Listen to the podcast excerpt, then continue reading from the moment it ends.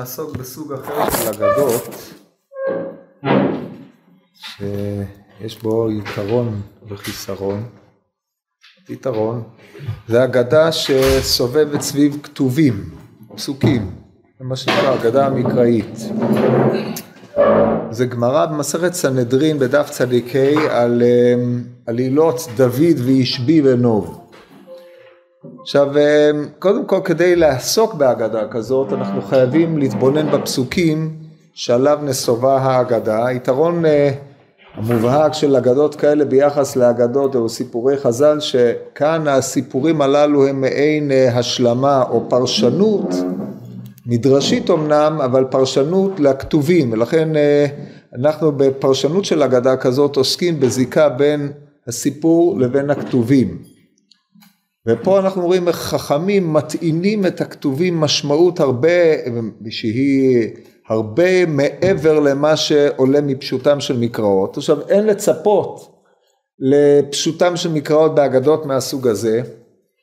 הם אה, אגדות עם רעיונות נשגבים עם התבוננות של חז"ל על אה, כללות אה, האירועים, אם זה באבות, אם זה בבניהם, אגדות שבמדבר, או מה שקורה בספרי הנביאים על דוד המלך, שאול וכל האנשים שמופיעים שם, וההתבוננות של חז"ל, אחרי שאתה קורא את הסיפור אתה חייב לשאול את עצמך תמיד, א', יש שני רבדים בניתוח הסיפור, הרובד הפשוט, הרובד העלילתי, ואחרי זה אתה שואל את עצמך, טוב, אחרי כל העלילה הזאת והעניין וההתלבטויות ומה שהעלית, אתה צריך לשאול את עצמך מה משמעות הדברים, או למה חז"ל ראו לספר את הסיפור הזה.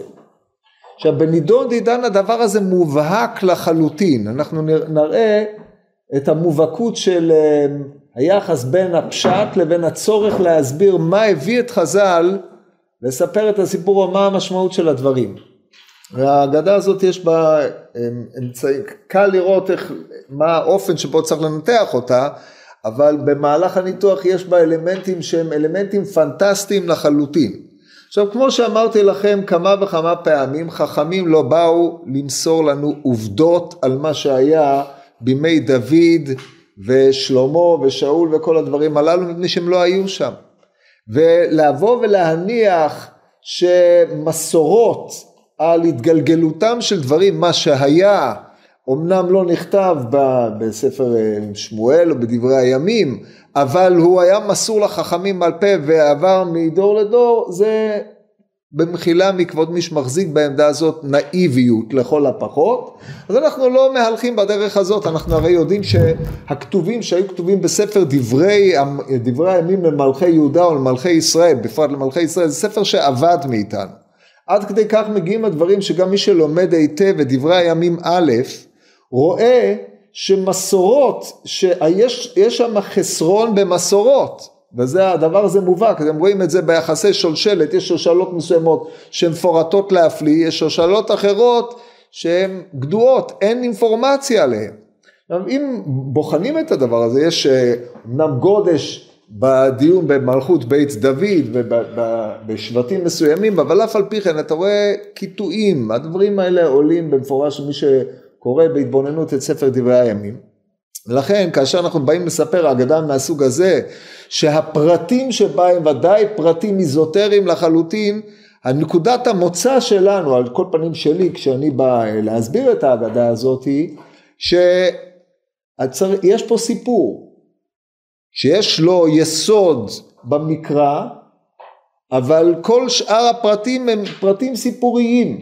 והפרטים בסיפורים הללו אנחנו צריכים כמו שאמרתי קודם לנתח אותם בשני רבדים להבין את המהלך הפנימי שבסיפור בבחינת ההיגיון הפנימי הדינמיקה הפנימית שבין הדמויות הפועלות פה ומה המאבק ביניהם ומה משמעותם של דברים ואחרי זה למה חז"ל נזקקו לסיפור הזה שזאת השאלה היותר עמוקה והרובד היותר מושכל שבסיפור הזה זה אפשר לעשות רק אחרי השלב הראשון וכמובן חייבים לשאול שאלות וצריך לדעת להפריד בין משעור שאלת השאלות לבין משעור, מישור של נתינת התשובות. לא מיד אחרי שאלה חייבים לתרץ אותה, צריך להניח לשאלה לעמוד כמות שהיא.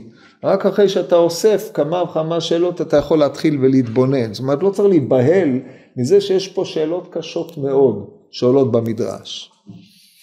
טוב, אז אנחנו לפני שנגיע למדרש, טוב, אולי נתחיל במדרש, ואחרי זה נחזור, ניתן רקע לדברים האלה. אומרת, עכשיו, כאן, כאמור, בשאר אה, ניתוחי מדרשים, אנחנו חייבים לברר את הנוסח. יש חילופי נוסח מעניינים מאוד בסיפור הזה, יש את הנוסח של הדפוסים, כתב יד מינכן, כתב יד פירנצה, ויש נוסח כתב יד תימני, שמופיע בפרויקט של פרידברג בשם כתב יד הרצוג, נוסח מאלף. אני כדרכי העדפתי את הנוסח הכי מקוצר שיש, זאת אומרת מה שיש בו מינימום פרטים, מפני שמטבעם של דברים הסיפורים הללו גוררים, אה, מתווספים בהם עוד אה, תוספות ופרשנויות, אנחנו מחפשים את המינימום, את הפרשנויות, זה אנחנו אמורים לעשות, אבל אה, מה, מה המינימום? ושוב יש חילופי עניין, אז אני הלכתי לפי הנוסח הזה, עם אי אילו תיקונים המוכחים מיני ובי על פי נוס, שאר הנוסחים. ואז הם יהיו אי אילו משפטים שכשאני אקרא אותם לא, לא יהיו אצלכם, זה כמעט ויש איזה אחד או שניים, או להפך, אז לא להתפלא מזה. טוב, עכשיו נראה את הגמרא ואחרי זה אני אחזור לרקע. עכשיו, קודם כל תשימו לב, לפני שאני אקרא את הגמרא, נקרא ואתרגם אותה, ואחרי זה אנחנו נתחיל את הניתוח, נפתח קודם כל בניתוחי המקראות והקשיים שהם מעלים, ומתוך כך נגיע להגדה, ותשימו לב, יש בהגדה הזאת, כמו הרבה מאוד דברים שבתלמוד הבבלי, עירוב של עברית וארמית. זה מאוד מעניין, חייבים לעקוב אחרי זה. זה יותר, בתחום המחקרי עמדו על זה הרבה, אבל זה מעניין, מעניין מאוד בהקשר דנן, כי אנחנו נראה שהצד העברי שבהגדה הוא התשתית שמסביבה נהרג הצד הארמי שבהגדה. אומרת הגמורה וישבי בנוב אשר בילידי ערפה. מהי ישבי בנוב?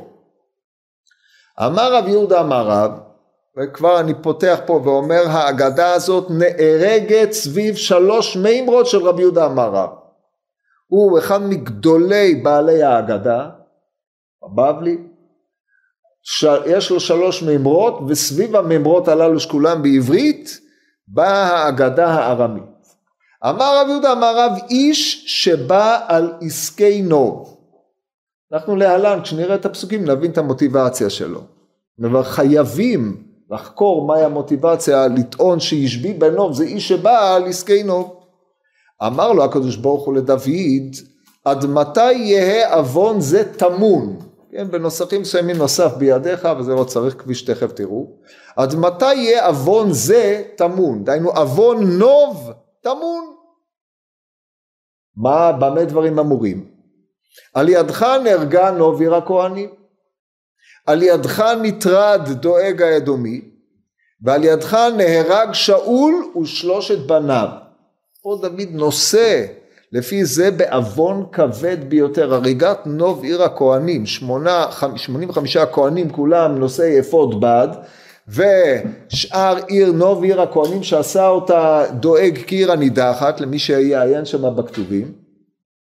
דבר הזה, כל זה כולו עוונו של דוד. זה ששאול ובניו נהרגו במלחמה, גם זה עוונו של דוד. למרות שבמקראות, בספר דברי הימים, בפרק, דברי הימים א', פרק י', הדבר הזה לא נזכר במפורש, אבל אה, נרמז במקראות על פי ויקרא רבה, אני אקרא לכם את לשון המדרש. אומר המדרש על חמש, ויקרא רבה פרשה כ"ו עוד ז', על חמש חטאות מת שאול. שכתוב וימות שאול במעלו אשר מעל בה השם. שימו לב לאריכות הכתובים וימות שאול במעלו אשר מעל בה השם ושם כתוב מפרט ועל דבר השם אשר לא שמר ולא עשה כן. כן אז יש פה אריכות דברים ועל בסיס זה דרש הדורש פה בויקרא רבה את העניין הזה לענייננו. הראשון המוזכר פה זה על שהרג נוב עיר הכהנים כמו כן אנחנו יכולים אה, לרמוז בחלק הקודם של הפרק לפני הסיפור של ישבי בנוב אז כתוב שהיה אמ, רעב בארץ שלוש שנים דוד דרש את השם הוא כתוב אל שאול ואל בית הדמים אשר הרג את הגבעונים. איזה שאול בית דמים ואשר הרג את הגבעונים, אה, גבעונים, איזה גבעונים הרג, זה מחלוקת תלמודים, אבל ענייננו בית דמים זה נוב. טוב, אז זה עוון שנזקף לחובתו של דוד, הדבר הזה כפשוטו לא ברור. מה שיותר מפליא זה דואג. דואג נטרד על ידו של דוד. ודוד אכן, בגלל זה צריך לשאת בעניין, מה, הרי מה דוד אומר? אומר על דואג בתהילים נ"ב, אומר אמ, אה, דוד על דואג אמ, דברים חמורים ביותר, אנחנו נראה את זה להלן. הדבר השלישי, כמו שאמרנו, נהרג שאול ושלושת בניו, ואנחנו יודעים ששאול ושלושת בניו נהרגו על בסיס מה שאומר להם שמואל, מחר אתה ובניך עימי. הכל יושב על כתפיו של דוד. אז עכשיו הקדוש ברוך הוא נותן לו שתי אפשרויות, רצונך שיכלה זרעך או תימסר ביד אויב. איך זה אמור להיות תואם את העניין נראה להלן. אמר, אומר דוד, מוטב יימסר אותו האיש ביד אויב ואל יכלה זרעו. למה? עוד מעט נראה. אבל זה, אלה שאלות אה, בסיסיות שצריך לשאול. טוב, אז עכשיו עד כאן דברי רב יהודה אמר, שמו, אמר רב, ומכאן האגדה. יום אחד נפק לשחר בזי. ראינו יום אחד דוד יוצא לציד. שחר בזי זה ציד עם בז. הציפור בז, כמו הגמורה בשבת בדף צדיק ד' בסוגיה של חי נושא את עצמו לפי פירוש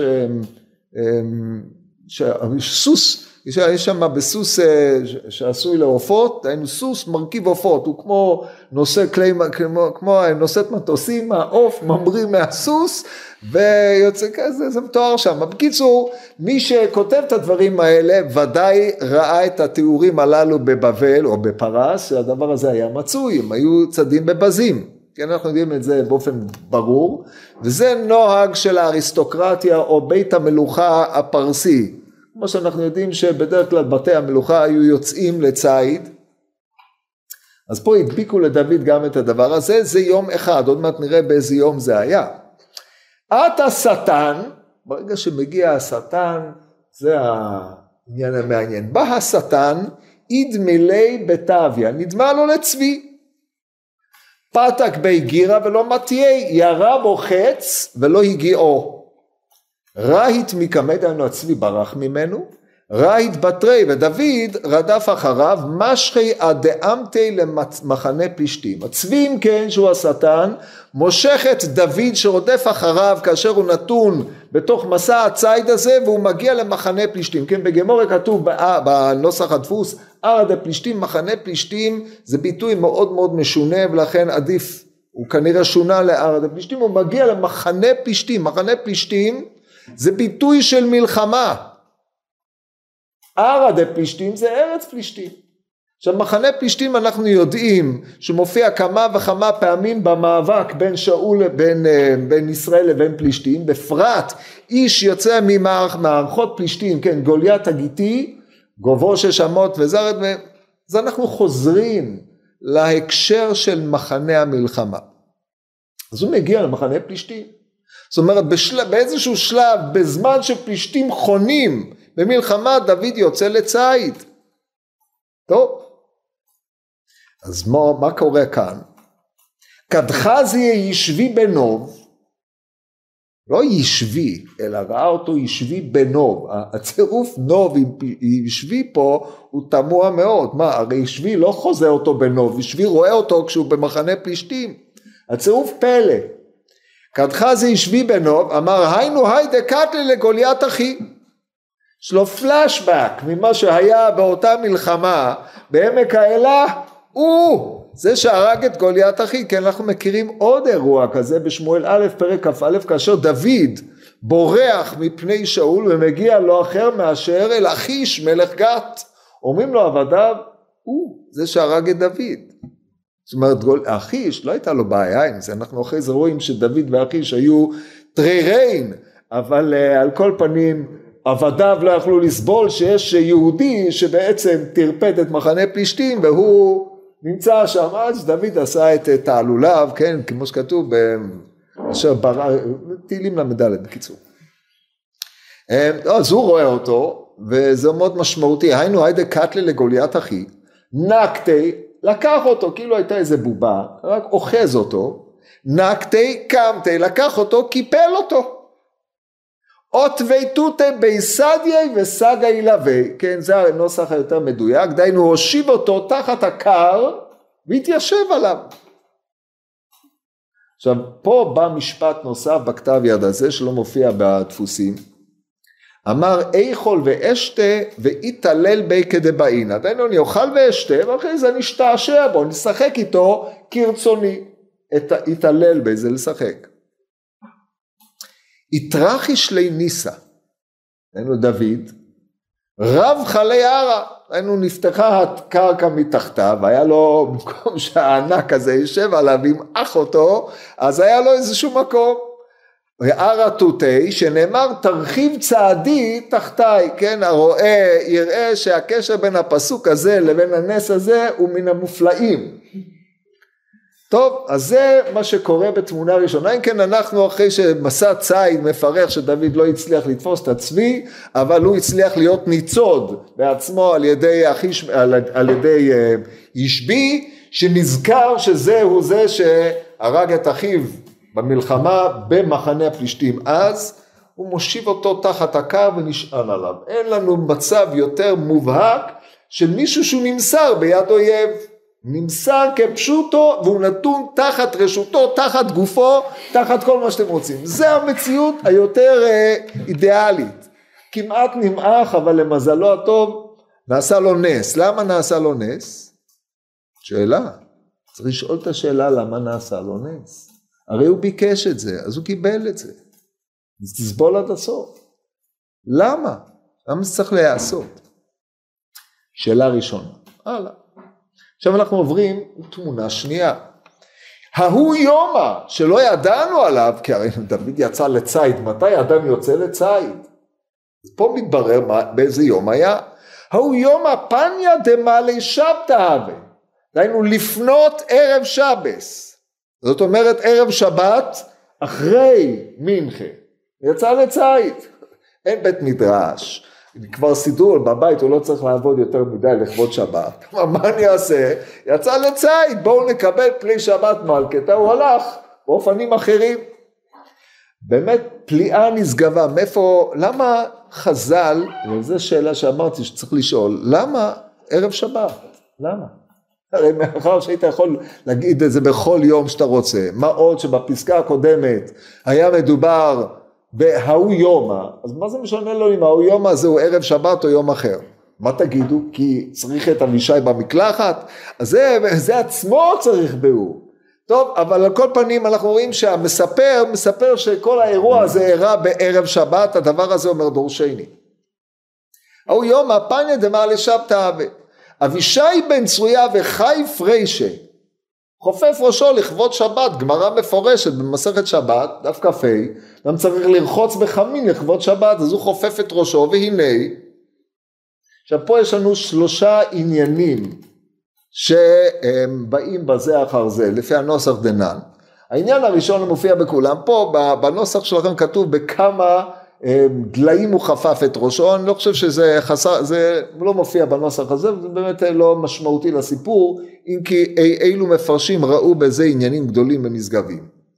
אבל אנחנו נניח את זה, אני גם לא רואה למה זה רלוונטי לעניין. בכל מקרה, בזמן חפיפת הראש, הווה כתמי דמה, יש כתמי דם. זה לא אמור להיות. ואיכא דאמרי, עתי פירדה בחת קמי, באה פירדה ובכתה לפניו. הוא במקלחת והפרדה בוכה, בוא, אנחנו מניחים זה לא מקלחת שדה, אבל על כל פנים הפרדה מגיעה. עכשיו מי שרוכב על הפרדות זה רק מלכים ובני מלכים, כמו שמפורש בשמואל ב', איפה? פרק י"ג, מה קרה שם?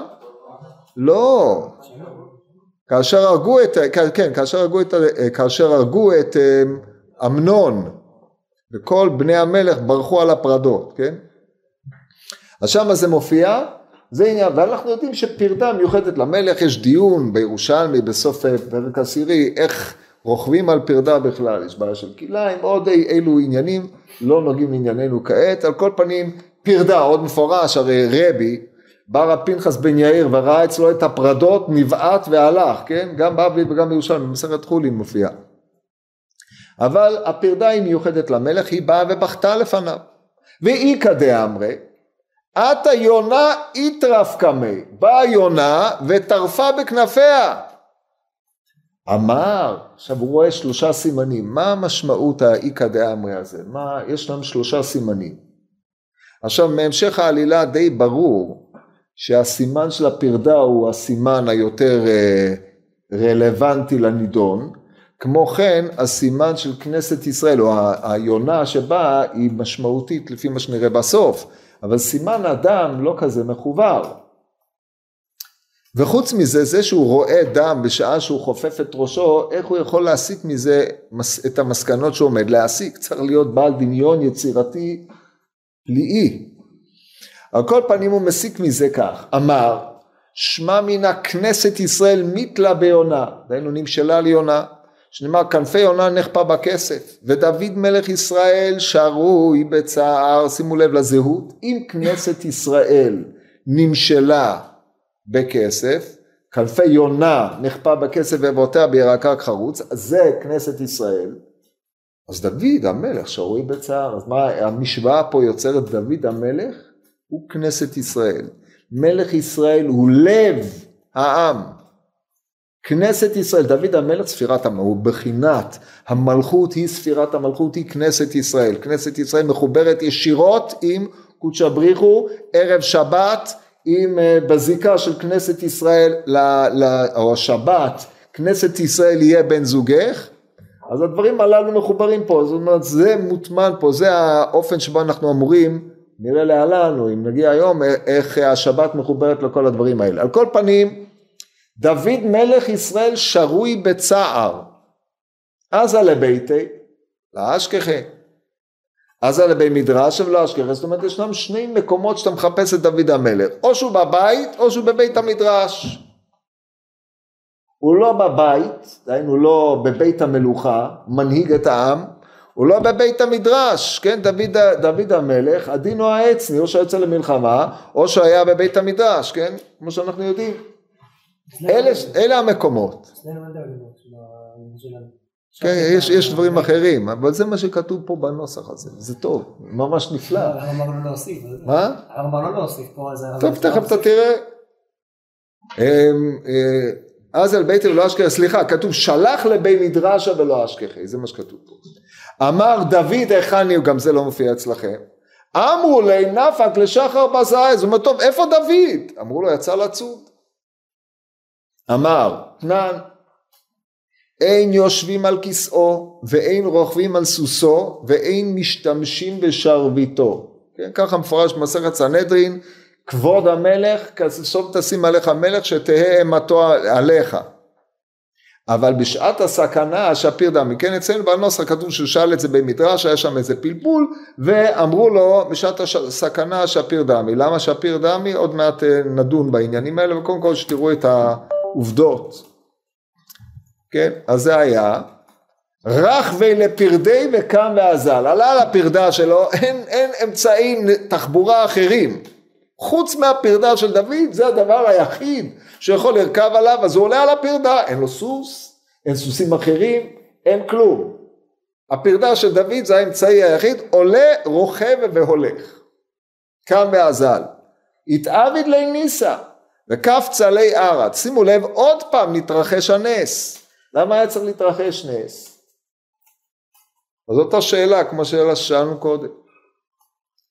טוב, אז צלי ארד, דהיינו אה, הפרדה רצה מהר, כן? כף צלי ארד דרך הפשטות, במקום שתגיע, ב...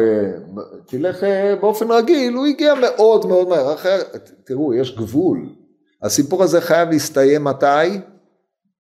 לפני בין השמשות.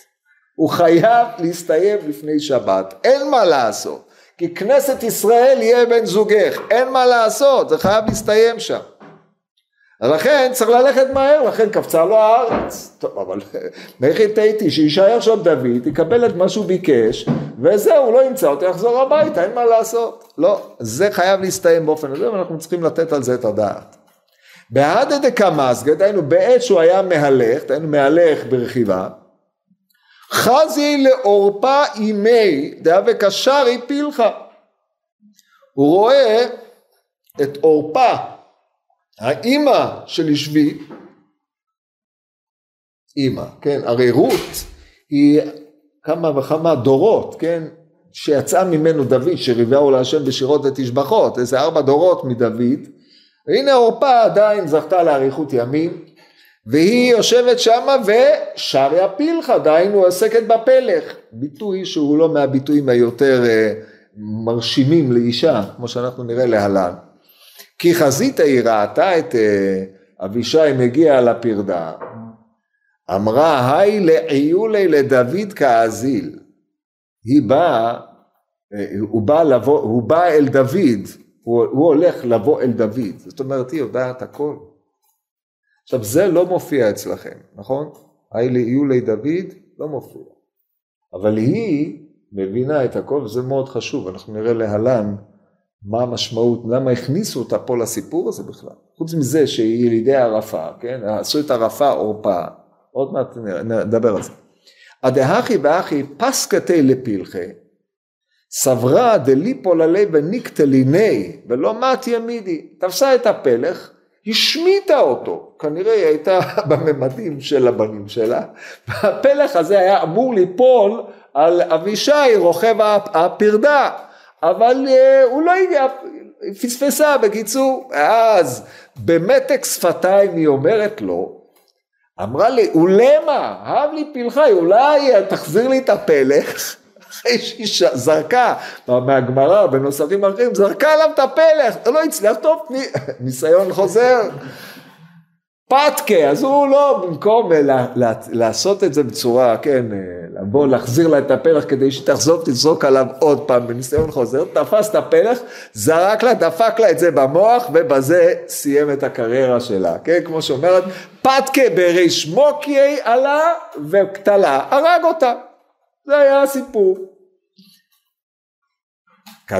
עכשיו, כדחזי ישבי בנוב לאבישי, שימו לב עוד פעם נקרא ישבי בנוב, לא יכולו לנתק את הנוב מהישבי פה, מעניין. אז, וזה גם מופיע במדרשים, הוא נקרא תמיד הצירוף ישבי בנוב, זה לא עובד בישבי במקום הקרוי נוב, אלא ישבי בנוב. אז רואה ישבי בנוב את אבישי, זאת אומרת מסתומה, האמא לא הייתה רחוקה ממנו, או שהוא מתקדם עם הפרדה, הרי קפצה לו הדרך, אז היא יכולה להמשיך במהירות אה, נפלאה. רואה ישבי בנוב את אבישי, דעצי לניסחה, בערה, נעץ את הכידון שלו בקרקע, פתקי לדוד לעילה, זרק את דוד למעלה, הוציא אותו כמובן מהתחת הסדין, הוציא אותו, זרק אותו למעלה. אמר ליפול עלי וליקטול, זאת אומרת לא ראה דרך יותר פשוטה להרוג אותו מאשר לתת לו ליפול על הכידון ונאמרו השערות מהשערות שונות, אני חייב להגיד לכם השערה אחת של בא מחבר ספר עין אליהו על עין יעקב, השערה מרתקת ביותר, זורק כלי מראש הגג, הוא בא אחר ושברו במקל, פטור, אז הוא פלפל פה בדין הזה, הוא לא רצה להרוג אותו בידיים, אם הוא יזרוק אותו ויבוא מכוח, זה, זה הרי כוח אה, מהגמרא, בסנ... אה, יש גמרא בסנדן, אז זה בעין זין, אם זה בא מכוח, אה, כשהוא זורק למעלה וזה נופל לבד, זה מכוחו או שזה לא מכוחו, במקרה כזה הוא פטור ממיתה, כן?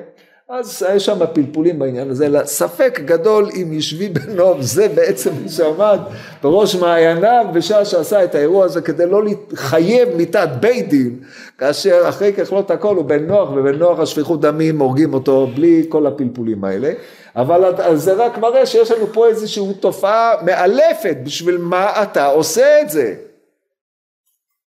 אולי זה סוג של השתעשעות בו, אבל אחרי ככלות הכל, הוא בלחץ, הוא רואה את אבישי מתקרב, אומר, אני צריך לטפל בעסק.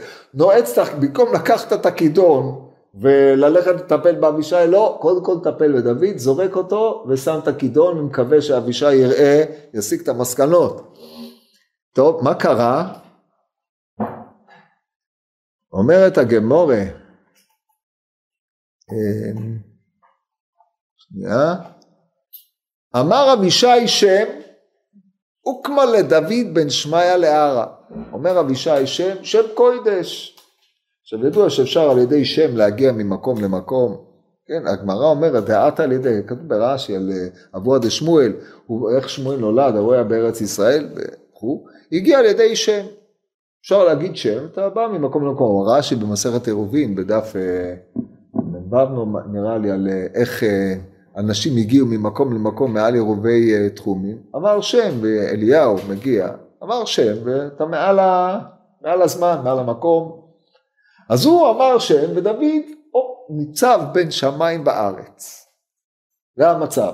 טוב. אז עכשיו אבישי מנהל איתו דיון, כאמור ישבי בינו ועומד משתומם כשחדה לראות את דוד תלוי בין שמיים בארץ, תופעה פלאית, עכשיו דוד מתחיל, פל... אה, אבישי מפלפל איתו, הוא רוכב על האתון, הוא שמה למעלה, וישבי בנוב, אה, בשלב זה הוא נכנס למצב פסיבי, כן, הקפיאו אותו, ועכשיו אנחנו, יש ניהול דיון בין דוד ואבישי. אמר אבישי שם מוקמן לדוד משמעיה להר, אמר לאבישי מהי היי? מה, מה, מה אתה עושה פה? מה אתה עושה פה? הרי הוא יודע שהוא יצא לצוד, אבל טוב, זה יפה מאוד, אתה לא היית צריך להיות במחנה פלישתים, אתה באמצע מלחמה. אתה לא אמור להיות פה. אמר להכי אמר הקדוש ברוך הוא והכי אתרי לי. דברים פשוטים, הקדוש ברוך הוא נתן לי שתי ברירות, בחרתי את הברירה הזאת, וזה נגמר הדיון, אז הנה אני פה. אמר לאיפוך צלותך, צלותך פה, צלותה זה תפילה. היסוד של תפילה זה בקשה. אז איפוך צלותך פירושו של דבר תהפוך את הבקשה שלך. למה? שהרי פתגם ידוע, ברברח קירה ליסבון ואת לא תצטער. זאת אומרת שהנכד שלך שיהיה מוכר שעווה ואתה לא תסבול. זאת אומרת, מה שיבוא אחריך, אדם, כמו שאומרת הגמרא, אדם, ליבו, כמו שכתוב בפסוק, אם תשקור לי ולניני ולנכדי. מה זה נין? בן. בן במקרא, חוץ מהשפה המודרנית, טעות, אבל נין זה בן, נכד זה נכד. עד שלוש דורות, זאת אומרת עד הדור אה, השלישי, נכדים, ליבו של האדם עליו. הדור הרביעי כבר לא כלום. לא, אין, אין, אין, אין התייחסות. זאת אומרת, היום אנחנו אומרים שזה לא בדיוק כך, אבל על כל פנים זה מבחינה הלכתית. בני בנים הרי הם כבנים, בני בני בנים לא. אמנם יוסף ראה בני שילשים, אבל זה, זה מלמד אתכם שזו תופעה חריגה, כן? למרות שהוא חי 110 שנים. בכל מקרה, זה שהנכד שלך ימכור שעווה ואתה לא תסבול. זאת אומרת, הדאגה הישירה של האדם זה עד הבן שלו ותו לא. זה מה שהוא אמר לו. במילים אחרות, בחרת בחירה מוטעית. טוב, אז אמר לו יחי, באי רחמי בעדיי, אז הוא אמר לו, תתפלל איתי.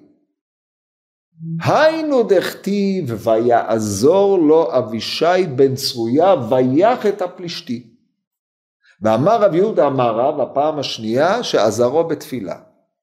שימו לב, עוד מעט נחזור לסיפור ועל המקראות. אמר אבישי שם ואחתי. בשם אפשר להרים מישהו, אפשר גם בשם להוריד אותו חזרה. אז עכשיו הוא יורד. עכשיו פה יש הבדל משמעותי ביותר בין הנוסח של הכתב יד התימני הזה לבין הנוסח של אה, כל, ה, גם במינכן, גם בפירנצה וגם איזה קטע גניזה. העניין הוא כזה, כתוב ככה, כיוון דחזין הוא, רהיט מקמיו. זאת אומרת לפי הנוסח הזה כיוון שראה את שניהם אה, השבי הוא התחיל לברוח מהם עכשיו בגמרא כתוב, כתוב כיוון דחזי רעתו מקמי, דהיינו הם בורחים ממנו. והווה קרדפה בתרי, עכשיו לפי הנוסח הזה הם רודפים אחריו והוא בורח מהם. ההיגיון בנוסח הזה הוא די ברור, מפני שברגע שנגמר, נגמרה, השתנתה הבקשה של דוד, דוד לא מסור ביד אויביו, אז מה כתוב? ארדוף אויביי ואשיגם ולא אשוב עד כלותם. זאת אומרת אין מצב ביניים, או שהוא אצלם וזה לפי הבקשה שלו, או שזרעו יכלה, אבל אם זרעו יכלה הוא חוזר להיות המלך, אם הוא חוזר להיות המלך מי הוא ישבי בכלל? מי יעמוד בפני הדין או האצני אשר על שמונה מאות חלל בבת אחת ואומרת הגמור מסכת קטן זה דוד המלך שהיה מקשה עצמו בליבו במלחמה כעץ, אין דברים כאלה. אז ברור שהנוסח הזה מייצג נאמנה את מה שאמור לקרות מבחינת העלילה, כן, לכן אה, זה עוד ראייה שהטענה, הנוסח הזה עדיף. טוב, אז הם רודפים אחריו. כמעט קובי, עכשיו פה הבעיה שכנראה בגללה הוגה הנוסח, כמעט קובי מגיעים למקום בשם קובי, אנחנו לא מכירים את המקום הזה, היו ניסיונות לזהות אותו, אבל אה, אין לי עניין בזיהוי הזה, אבל הם מכירים למקום, דורשים את שמו של המקום. אמרו לי קומבי, זאת אומרת הם אמרו, אמרו לו, אנחנו נקום, קום בו, זאת אומרת המשמעות קובי זה לקום עליו, דהיינו להתנפל עליו. עכשיו אם הוא רודף אחריהם, אז הם דורשים את השם כמרמז, טוב אולי אתם תקומו עליו. כמעט ביטרי, הגיעו לאיזה מקום נוסף, הכל ברדיפה, כן? ערב שבת עם חשיכה, עוד מעט שבס, הם צריכים לחזור הביתה, וכו'. כמעט ביטרי, אמרו לי בתרי בתרי, ככה הם דורשים את המילה ביטרי, בתרי בתרי. אמרו לי רשע, עכשיו הם אומרים לו, הם רודפים אחריו לפי הנוסח הזה, או נרדפים מלפניו, לפי הנוסח השני, אומרים לו רשע, זיל ישתבח או ישתכח לה לעורפה עמך רשיעתה בקברה, לך תחפש את אימא שלך הרשעה בקבר. כיוון דאידקו, אה, סליחה, פה כתוב דבטריין גוריאבן אריה קתול, שבשתי גורים האריה ימות. כיוון דאידקו לישמע דאימי חי הם כחו שחילי וקטלוה. כיוון שהזכירו את שם אמו, שהיא מתה, נחלש כוחו והרגו אותו. סוף אמרו לי ישראל לדוד, הואיל ואיכא כי היי חובה לא תיפו, כיוון שיש עליך כזה עוון, אתה, אתה לא יוצא למלחמה, זה מצב אדם שיורד עם עוון למלחמה, מי יודע מה יקרה לו, כן, או ימו, או ימו יבוא ומת, או ירד במלחמה ונספה, כי יש אה, עוון מקטרג. היינו דכתיב, אז נשבעו אנשי דוד לו לאמור לו תצא עוד איתנו למלחמה ולא תכבה את נר ישראל. שתכף נראה את כל הפסוקים, אבל אני רוצה שקודם כל תכירו את הסיפור, אחרי זה נראה את הפסוקים ונחזור אה, לדון על הסיפור. ומנלן דייך לזרעי, דכתיב עתליה אם אחזיה, ראתה כי מת בנה, זה אחזיה מלך יהודה, ותקום ותאבד את זרע המלוכה. ומי נשאר? יואש. שואלת הגמורה וישתי יואש, אז איך, איך כלה זרעו של דוד? אומרת, בפסוק כן, נשאר יואש, כן, לקח אותו יהושבת אה, או יהושבע, לקחה אותו והסתיר אותו בחדר המיטות בבית קודש הקודשים, לפי חז"ל, מעל בית קודש הקודשים, אבל פה, לפי הסיפור, אמרו יכלה זרעו, אז מה, מה קורה?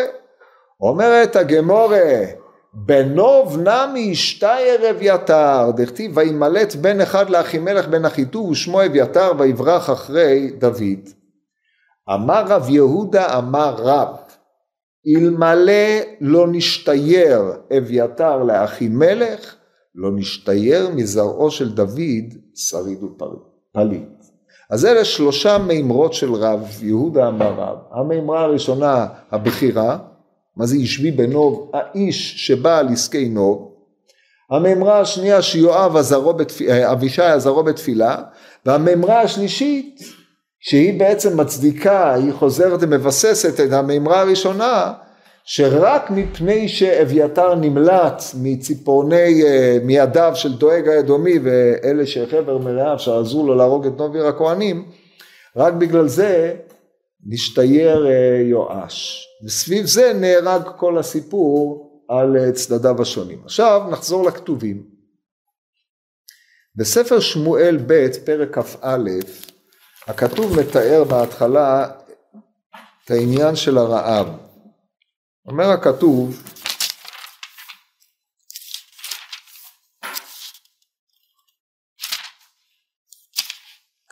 ויהי ראה בימי דוד שלוש שנים שנה אחר שנה ויבקש דוד את פני אדוני. ויאמר אדוני אל שאול ואל בית הדמים על אשר המית את הגבעונים. ואז הוא קורא לגבעונים ועושה מה שעושה מהסיפור מפורסם. אחרי כל הסיפור של הגבעונים דוד הולך וילך דוד ויקח את עצמות שאול ואת עצמות יהונתן בנו מת ועלי יבש גלעד אשר גנבו אותם מרחוב בית שאן אשר תלאום שמה הפלישתים. ביום מכות פלישתים את שאול בגלבוע ויעל משם את עצמות שאול ואת עצמות יהונתן בנו ויאספו את עצמות המוקעים ויגברו את עצמות שאול ויהונתן בנו בארץ בנימין בצאלה בקבר קיש אביו ויעשו ככל אשר ציווה המלך ויעתר אלוהים לארץ אחרי כן. זאת אומרת רק אחרי הטיפול בבעיית שאול, בבעיית הגבעונים שקשורה לפי דרשת חז"ל בסנהדרין גם בבלי וגם ירושלמי בנוב, עיר הכהנים, אז השם נעתר לדוד. אבל זה טיפול בשני מרכיבים, יש מרכיב שלישי, הכהנים עצמם, בהריגת נוב עיר הכהנים ש... יש התעלמות מוחלטת במקרא מכל זה, כלום. מה פשרם של דברים? עכשיו אנחנו מגיעים לפסקה המרתקת הבאה. ותהי עוד מלחמה לפלישתים את ישראל, כן זה מנוסח פה מעניין, מלחמה לפלישתים את ישראל, וירד דוד ועבדיו עמו, שימו לב לניסוח, לא וירדו דוד ועבדיו, או וירד דוד ועבדיו, אלא וירד דוד ועבדיו עמו, ניסוח משונה. וילחמו את פלישתים ויעף דוד. מה נהייתה עייף? הרי כתוב, והלא ידעת על, על דוד, ליבו לב האריה, הימס הימס, לא ילין את העם. דוד, גם בזמן מלחמת אבשלום, או אחיתופל, שהכיר את דוד היטב, כן, ראו מיודעו, אשר יחדיו נמתיק סוד בבית אלוהים נהלך ברגש, אומר, אני יודע מדוד. זאת אומרת, זה, זה אומר חושי הערכי למען האמת, אבל הם, הם ידעו שדוד היה לב האריה. פה הוא נהיה עייף. עייף זה תשות הכוח. אז הם יורדים, לוחמים עם פלישתים ויעף דוד, וישבי, וישבי ונוב אשר בילידי הרפה ומשקל קינו שלוש מאות משקל נחושת והוא חגור חדשה ויאמר להכות את דוד. ויעזור לו אבישי בן צרויה ויח את הפלישתי וימיתהו. מי היכה את הפלישתי? אבישי עזר לדוד ויח את הפלישתי. זה פתוח כן? שימו לב, זה מעניין מאוד. ויח את הפלישתי וימיתהו. אז נשבעו אנשי דוד לו לאמור לא תצא עוד איתנו למלחמה ולא תכבה את נר ישראל. ויהי אחרי כן ותהי עוד המלחמה בגוב עם פלישתים אז היכה סיבכי אחושתי את סף אשר בילידי ערפה ותהי עוד המלחמה בגוב עם פלישתים ויח אלחנן בן יערי בן יערי הורגים בית הלחמי את גוליית הגיתי ועץ חניתו כמנור הורגים, ותהי עוד המלחמה בגת. ויהי איש מדון באצבעות ידיו ואצבעות רגליו שש ושש עשרים וארבע מספר ושר, וגם הוא יולד להרפה. כן, כל אלה ילידי הרפה. ויחרף את ישראל ויכהו יהונתן בן שמעה אחי דוד. את ארבעה אלו אשר יולדו להרפה בגת, ארבעה יולדו לערפה בגת, זאת אומרת, ישבי נולד בגת. גוב זה כנראה לא רחוק מגת, אבל נוב זה מאוד רחוק מגת. והם יולדו לגת ויפלו ביד דוד וביד עבדיו. בשלמה ביד עבדיו ראינו, ביד דוד איפה ראינו? זה כנראה ויח, אז לפי זה צריך להכריע שדוד הוא זה שהיכה. האם זה עולה מהסיפור? עיון. אז עכשיו באו חז"ל ושאלו מה עניין השבי אצל נוב? נוב זה עיר הכהנים, לא גור. עכשיו כיוון שאנחנו איננו יכולים לומר שיש לתקן את גרסת הכתובים, זה לא מדרכנו, אז כשחז"ל ראו את הנוסח הזה, זה נוסח המסורה, אז כנראה דברים בגו. עכשיו התופעה היותר מרתקת היא שבספר דברי הימים הפסקאות האלה מופיעות למעט הסיפור של ישבי בנוב בילידי ערפה לא מופיע, כל הסיפור הזה עם דוד לא מופיע. אומר דורשני. וכאשר הכתוב שם אומר אה, את ארבעת אלה יולדו לערפה, כתוב אל יולדו לערפה, דהיינו אין ארבעה. מי שבאמת לא היו ארבעה לפי דברי הימים, פשוט רק שלושה. עכשיו אי אפשר להגיד שמחבר דברי הימים לא ראה את הדברים הללו, מפני שדי ברור שמחבר דברי הימים השתמש בספר שמואל, כן, לכל מי שאי פעם השווה בין הספרים יודע את זה, והוא השמיט במכוון את הסיפור הזה. הדבר הזה אומר דור שני. אז כמובן, ב, על דרך הפשט, ההשמטה הזאת היא די ברורה, מפני שספר כבר עמדו על זה המפרשים הקדמונים, האחרונים, החדשים, הישנים, שמגמת ספר דברי הימים היא אה, לא להגיד, לא לבוא בביקורת על דוד, זה ספר שהוא שיר הלל לדוד ולבית דוד. אבל זה טוב ויפה, אבל ברמת חז"ל, זה לא פתרונות שתואמים את הלך רוחם של חז"ל. וההשמטה הזאת, אם כנראה זה לא חלק מהמלחמה, אלא דברים בגו. עכשיו, כשאנחנו באים לנתח את הסיפור, די ברור שחז"ל לקחו את הפסוקים הללו וניתחו אותם דבר דבור על אופניו כדי להעמיד את הסיפור. הסיפור סובב סביב הפסוקים הללו עם הדרשה האחרונה של רבי יהודה אמר רב מזה שעתליה אה, השמידה את כל זרע הממלכה. וכאשר השאלה הייתה למה היא עשתה את זה. עכשיו למה היא עשתה את זה? ברור שהיא עשתה את זה מסיבות ברורות, זה הרי התחברות של בית אה, עומרי עם, או בית אחאב עם בית אה, דוד, כן, בנישואין של יהושפט עם בת עומרי, או בת אחאב, או... זאת אומרת הוא היה מחובר איתם במשפחה, ויהורם הבן שלו שבוודאי ובוודאי היה מחובר עם משפחת או אחזיהו לפניו, אחרי זה יהורם, שהיו מחוברים עם המשפחה של אחאב, הכניסו את פולחן הבעל ליהודה, ומפורש בנביא שזהו, זה הגיע בנקודה הזאת לסיום מלכות בית דוד, אלא שהשם ריחם עליהם. אבל חז"ל חיפשו את השורש לדברים האלה.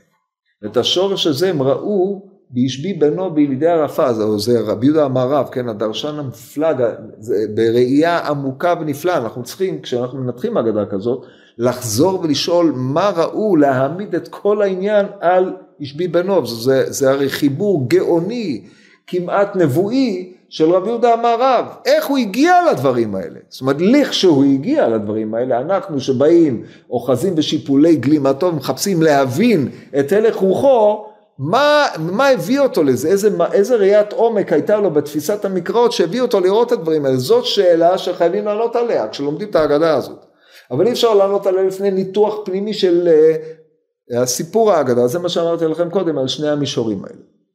טוב, אז עכשיו אנחנו נתחיל, לפני שנתחיל בסיפור, אני חייב לקרוא לכם דברי רש"י. כתוב בתהילים ז' שיגיון לדוד אשר שר על דברי חוש בן ימיני. אדוני אלוהי בכך עשיתי הושיעני מכל רודפי והצילני פן יטרוף כי אריה נפשי פורק ואין מציל.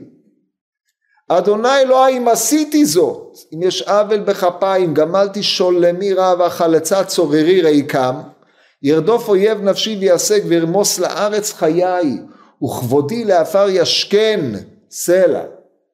אז קומה אדוני באפיך ינשא בעברו צוררי אורה אלי משפט ציווית. הדת לאומית תסובבך ועליה למרום שובה אדוני הדין עמים שופטני אדוני כצדקי וכתומי עליי וכולי ושאר הפרק אומר רש"י בתהילים ז' אומר אני בין השאר זה יש דברים שהוא לא שהאחרים אמרו ואז הוא אומר מה שאומר אני אומר אני שאמרו על עסקי ישבי בנוב שבא עליו על עונשו של שאול כמו שפרשו רבותינו שאמר לו הקדוש ברוך על ידך נטרע דואג האדומי על ידך נהרג שאול ובניו תהיית בחלק והפך דוד את תפילתו והתפלל שלא ייפול ביד אויב. וכן פתרונו משגה שיגיון לשון משגה משגה שר דוד להשם על ששגג לומר לקדוש ברוך הוא למוסרו ביד אויב על דברי שאול שנהרג על ידו זאת רש"י לקח את ההגדה הזאת ויישם אותה בפרשנות הכתובים, שיגיון לדוד זה נכנס ממש יפה. הוא בהתחלה אומר השם אלוהים בחר עשיתי הושעני מכל רודפי ויצא פן ירדוף וכולי אם עשיתי את גמל שירדוף אויב נפשי ואז הוא חוזר בו. קומה השם ינשא בעברו צורר והוא אלה משפט סיבית וכולי וכולי אז זה, זה רש"י עכשיו בגופה של ההגדה אנחנו מתחילים בנקודה הראשונה שעוררה פולמוס ודיון גדול בפוסקים, דיון מרתק ביותר. נתחיל עוד פעם, אמר רבי יהודה מערב, איש שבא על עסקי נוב, כן, הם דורשים ישבי בנוב, בית של בנוב, כמו שאמרו המפרשים, או כמו שאמרו פה המהרש"א, בעניינו של נוב. עכשיו, הקשר בין ישבי לנוב, אין לו שום קשר ענייני, אלא ישבי הוא זה שצריך אה, לתת את המענה על עוונו של דוד בנוב. עכשיו פה השואל צריך לשאול את עצמו, הקדוש ברוך הוא רוצה להעניש את דוד, למסור אותו ביד אויביו. למה מכל האויבים דווקא ישבי? למה באופן הזה? אז שאלה הרי על רבי יהודה המערב שהוא חיבר את הדברים האלה, כן? שתי אפשרויות יש בידך, האפשרות אחת שתיפול ביד אויביך, או אפשרות שנייה שיכלה זריך. אז דוד בוחר, ואנחנו צריכים לדון למה הוא בחר במה שהוא בחר, אבל בשלב זה, כשלכשתמצי לא אומר שהאפשרויות העומדות בפניו, הם אפשרויות ליפול ביד אויביו, למה האויב שהוא צריך ליפול בידו זה צריך להיות אישבי? זו שאלה שהיא שאלה מעניינת, אמנם המקרא כורך את הדברים האלה לפי דרשתו של רבי יהודה מהרב, אנחנו צריכים להבין את ההיגיון בדברים האלה, איך זה משתלב בתוך הסיפור. עכשיו לגופו של עניין, עד מתי יהיה עוון זה טמון בידיך, או עוון זה טמון? על ידך נהרגה לובי הכהנים, על ידך נטרד דואג האדומי, ועל ידך נהרג שאול ושלושת בניו. עכשיו, מה היה לו לדוד לעשות? הרי דוד המלך עליו השלום ברח, או לפני שהוא היה מלך, הוא ברח מפני שאול, כן, זה היה אחרי המפגש עם יהונתן. ובהקשר הזה אנחנו חייבים להזכיר את הגמרא בסנהדין בדף קד עמוד א', אומרת הגמורה שם, ששגגת שגג, שגגת חסדים, מילות חסדים עולה זדון, דאמר רב יהודה אמר רב, כמובן, אלמלא הלווהו, אלמלא אילו היה מלווה יונתן לדוד שתי כיכרות לחם, לא נהרגם לא אוויר הכהנים, לא נטרד דואג האדומים, לא נהרג שאול ושלושת בניו, הוא נפרד ממנו במחר חודש, הרי יונתן לא בא גם היום גם אתמול אלא, מדוע לא בא בישי גם אתמול גם היום אל הלחם, ויונתן קם מעם השולחן בחוריאף, אחרי שאביו ניסה להטיל עליו את הכידון, לא אכל כלום כל אותו היום, יצא לאיזה מטווח, ושם פגש את דוד. זאת אומרת, מאיפה היה לו לחם? גם לא, לעצמו לא היה לחם, הוא לא אכל כלום. אבל דוד בוודאי באותו היום היה בצום. ואם כן, אה, אומרת הגמרא, אם אתה יונתן היית מביא לדוד שתי כיכרות לחם כאשר אתה צריך להגיד לו שכדאי לך, כדאי לו לברוח ממי ששאול מחפש אותו, אז הכל היה בעל מקומו בשלום, דהיינו לוב לא הייתה, לא הייתה נטרדת. אז יוצא שבאופן עקיף הדבר הזה חוזר ומתגלגל על צוואריו של יונתן, אבל מי שנושא העוון, מי שהוא נשאר בחיים זה דוד.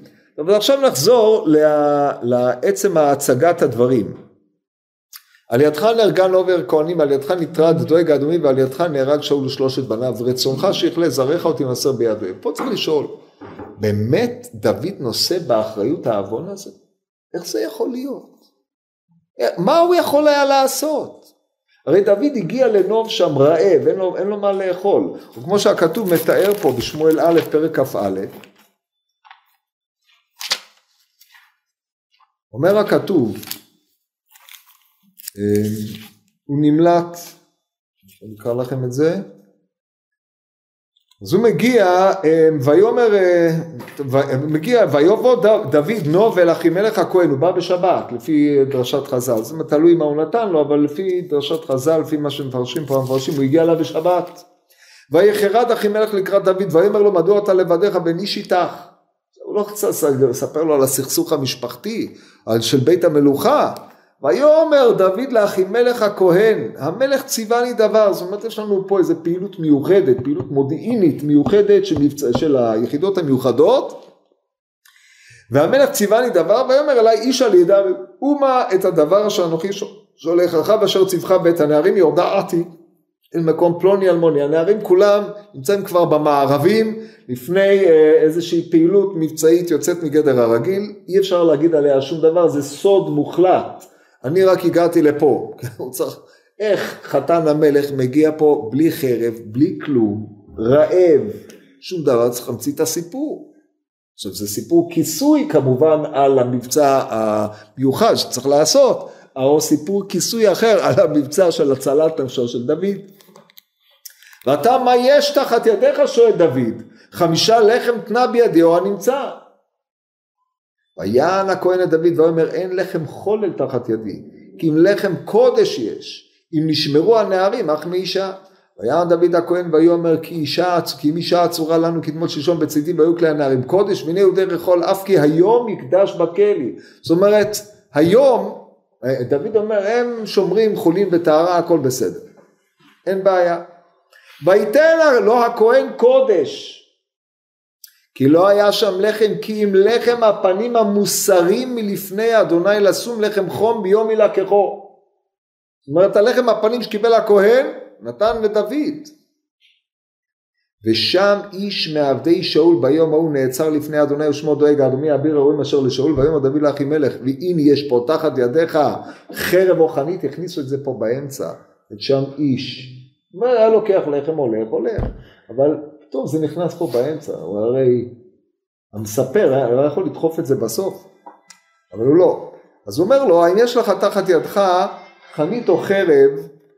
כי גם חרבי גם כלי לא לקחתי בידי כי היה דבר המלך נחוץ. ויאמר הכהן חרב גוליית הפלישתי אשר הכית בעמק האלה הילותה בשמלה אחרי האפוד אותה כך קיצור לוקח את חרב גוליית והוא נמלט בפרק כ"ב כאשר שאול במצב פרנואידי על זה שדוד אורב לו ורוצה להרוג אותו אומר דואג האדומי והיה דואג האדומי והוא ניצב על ידי שאול ויאמר ראיתי בבן ישי בא נובה אל אחימלך בן אחיטוב וישאל לו באדוני וצידן נתן לו, ואת חרב גוליית הפלישתי נתן לו. שלושה דברים, אבל שאלה בהשם מחלוקת המפרשים אם זה היה או לא היה, אבל זה מה שכתוב. וישלח המלך, ואז, וזה מה שהוא אומר. בקיצור הוא אומר דוד המלך בא לשם, וגוליית הכהן שיתף איתו פעולה. ואז הוא שואל אותו, הוא קורא לו, המלך קורא לו, והוא אומר לו, ויאמר שאול שמענה בן אחיטוב, ויאמר הנני אדוני, ויאמר אליו שאול למה קשרתם עליי אתה ובן ישי בתתך לו לחם וחרב ושאול לו באלוהים לקום אליי לעורב כיום הזה בקיצור אומר לדואג להרוג אותם הורג את כל עיר הכהנים ומה שמעניין אותנו מבחינת הסיפור זה חוסך מאיתנו הרבה פלפולים נמלט משם אה, אביתר בן אחד לאחימלך בן אחיטוב ושמו אביתר ויברח אחרי דוד ויגד אביתר לדוד כי הרג שאול את כהני אדוני. עכשיו שימו לב לפסוק הזה פה נטילת האחריות של דוד פה זה מתחיל. ויאמר דוד לאביתר ידעתי ביום ההוא כי שם דואג האדומי כי הגד יגיד לשאול אנוכי סבותי בכל נפש בית אביך זה נקודת האחריות של דוד כן זה בעצם פותר הרבה ממה שטלטלו פה האחרונים בספר באר שבע ועוד פה דוד יודע שבשעה שהוא אומר, הוא, הוא לא בא אליו בסתר, אלא בא אליו בגלוי, ושם הדואג שומע את כל השיח ביניהם. אם כן דוד אומר, אני גרמתי שזה ייהרג, וכיוון שדוד עצמו הודה בזה, הוא היה צריך לתת על זה את הדין, אז את ההמשך נראה בעזרת השם בשבוע הבא.